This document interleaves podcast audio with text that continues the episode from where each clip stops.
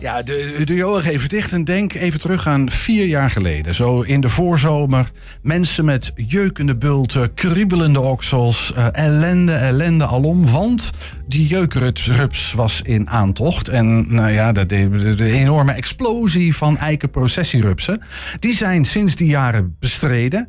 Um, uh, dat begon vrij ruw. Uh, we hebben onze eigen Atti hier in de uitzending gehad. Die met een, um, hoe heet zo'n ding? Een, een, zo'n zo'n verfbrander. Een gasbrander. Ja, met zo'n gasbrander die eikenprocessierupsen van de bomen verjoeg. Dat was iets wat ruw, maar wel effectief. Nou, die, die, die methode is daarna niet door de gemeente um, herhaald. Uh, die hebben het op een andere manier gedaan.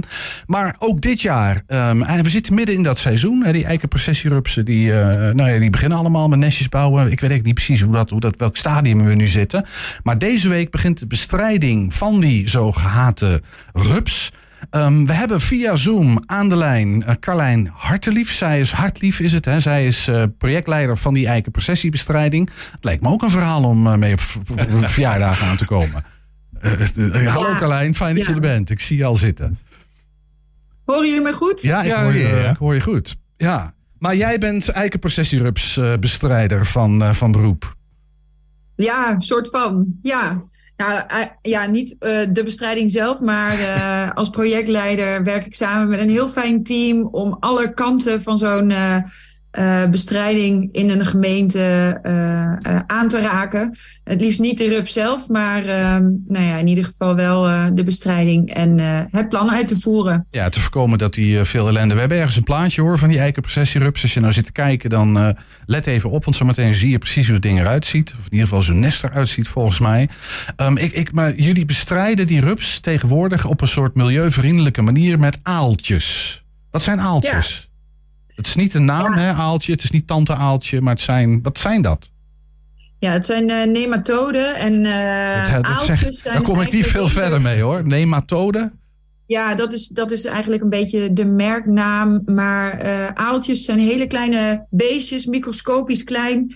En die spuiten wij in de bomen op de rupsen, die dan nog heel klein zijn. En die aaltjes die eten zich een weg naar binnen. En uh, daardoor kan de rups eigenlijk geen eten opnemen en die sterft dan. Maar die, uh, ja, die aaltjes eten de rupsen naar, aan? Die eten de rupsen aan of halen die voedsel van de rupsen weg? Nee, die eten de rups uh, ja, aan. Ja. Die eten zich in de rups. Dus eigenlijk een soort hele kleine roofdiertjes zijn het, rupsen, rupsendoders. Oké, okay. ja. en, en, en, dat is een, een, biologische methode, een veilige methode in zekere zin, hè? voor mens, ja niet voor die rupsen, maar voor heel veel andere soorten, waaronder de mens wel. Ja, ja en ook uh, heeft het te maken met de timing waarin we dat uh, gebruiken. Uh, de, de, de eikenprocessierups is vrij vroeg in het seizoen, een van de eerste rupsen die uit het ei komt. En doordat we dus ook heel vroeg beginnen met die aaltjes in de bomen spuiten, uh, is er eigenlijk alleen nog maar de eikenprocessierups die we daarmee kunnen uh, bestrijden. Ik hoor jou uh, zeggen eigenlijk, ik hoor jou zeggen eigenlijk alleen nog maar, dat veronderstelt dat het niet helemaal alleen nog maar is. Nee, niet helemaal. Nee. Het zijn natuurlijk parasieten die, we, die eten hun weg in weekdiertjes.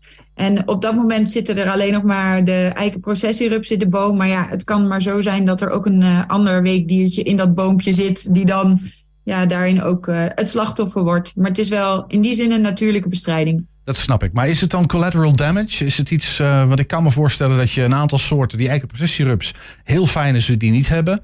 Maar er zijn andere soorten waarvan je denkt van nou, die zouden we toch heel graag juist wel willen hebben. En um, die willen we niet aangetast hebben door aaltjes. Nee, en daar houden we ook zeker rekening mee. We hebben een, uh, een bestrijdingskaart en die maken we ieder jaar weer opnieuw. En die bestrijdingskaart, de manier van bestrijden en waar we wat wel en niet doen, dat baseren we eigenlijk op een aantal dingen. Namelijk op de mate van overlast. Was het ja, hier zien we de kaart heel eventjes. Overlast. Ja, precies, dat is hem. En daar zie je eigenlijk uh, welke vormen van bestrijding we waar toepassen. En als basis daarvoor hanteren we de vlinderkaart. En de vlinderkaart, dat is een kaart die de Vlinderstichting ieder jaar weer opnieuw maakt. Um, geeft aan waar bepaalde vlinders zitten of waar de kans heel groot is dat bepaalde vlinders zitten. Um, en die delen eigenlijk heel Enschede, maar heel Nederland ook, op in vlindercirkels. En dan heb je twee soorten. Dan heb je uh, vlindercirkels voor bij wet beschermde vlinders. Mm -hmm. Nou, daar mogen wij niks doen. Um, maar je hebt ook vlindercirkels waar wel beschermde vlinders leven. En daar doen wij als gemeente Enschede extra aanvullend onderzoek om te kijken of dat daadwerkelijk ook een uh, goede leefomgeving is voor die vlinder. En als dat het geval is, dan passen we daar ook onze bestrijding op aan. Ja, met andere woorden, gewoon heel kort samengevat. Je probeert die eikenprocessierups en dus ook de vlinder die daaruit voortkomt uh, te elimineren zoveel mogelijk. En de vlinders die we heel graag willen hebben, die probeer je te beschermen. Dat is wat er gebeurt. En nou heb ik de indruk over de afgelopen jaren. Ik heb er al vorig jaar nauwelijks uh, iets over gehoord. Ik weet niet of jij wat gehoord hebt, Julian. Volgens nee, mij is het heel stil. nog niet echt. Nee, dus volgens mij, het, het lijkt heel succesvol. Klopt dat? Ja, het gaat heel goed. Ja, jullie hadden het net over het horrorjaar. In 2019 hadden we meer dan uh, eh, 4600 meldingen van bewoners die last hadden van de rups. Nou ja, afgelopen jaar uh, kun je wel zeggen dat we het heel succesvol hebben gedaan. Want toen hadden we nog maar iets meer dan 80 meldingen van mensen die last hadden van de eikenprocessierups. Ja, en, ja, hij is op zijn retour. Ja. Maar dat betekent, kan ik me voorstellen, als die eikenprocessierups op zijn retour is, is ook die eikenprocessie vlinder op zijn retour. Zijn ook de eikenprocessie eitjes uh, op hun retour. Dat die bestrijding steeds minder misschien nodig is. Klopt dat ook? Of passen jullie uh, je plan daarop aan? Ja, zeker. Ja, we gaan uh, in die zin ook de, de preventieve bestrijding, zoals we dat noemen, die je op de uh, bestrijdingskaart kan zien, uh, echt wel wat terugbrengen op gebieden waar de overlast veel minder is of eigenlijk niet meer aanwezig is geweest. En we gaan daar dan alleen nog maar acteren op het wegzuigen van de rupsen. Ja, want dat is een andere methode, hè? dat als die nesten worden gesignaleerd, daar hebben we ook ergens een plaatje van, volgens mij. Als die nesten worden gesignaleerd, dan kunnen ze worden weggezogen. Volgens mij hebben veel mensen dat wel eens gezien. Zo'n hoogwerker met een manier van de stofkap. Ja, grote mannen in pakken. Ja, het is heel, het is heel um, gevaarlijk werk eigenlijk. Want als je nou ja, uh, in een uh, eikenprocessie rups een brandhaar terechtkomt, dan uh, heb je heel snel last van jeuk, bultjes. Het is gewoon een heel naar beestje eigenlijk. En dus gaan die mensen goed beschermd de straat op. En als we curatief de rupsen weghalen, betekent dat ook eigenlijk direct dat er geen vlinder komt van die rups die nieuwe eitjes kan neerleggen en dat daar weer rups uitkomen. Dus het is een hele mooie manier van bestrijden. Is het ook zo dat je uh, in andere plekken in de gemeente dit nog steeds wel een probleem is? Of is eigenlijk nu de aanpak die is gekozen, ja, eigenlijk de, de, de, de het medicijn voor de, of eigenlijk tegen de antiprocessierups? De eikenprocessierups? Ja, um, bepaalde gebieden van Enschede bestrijden wij niet. Buiten de bebouwde kom bijvoorbeeld. Um, omdat daar de natuur zijn gang kan gaan. Uh, maar als daar toch rondom een fietsroute waar heel veel mensen gebruik van maken, uh, overlast wordt ervaren door bewoners, dan kunnen we daar alsnog heen om te kijken of we dat kunnen wegzuigen. Ja. Dus het is dat we het op die manier heel gericht dus kunnen gaan aanpakken. Um, en ook binnen de bebouwde kom zijn er plekken waar wij eigenlijk dus niks kunnen doen omdat er beschermde vlinders zitten.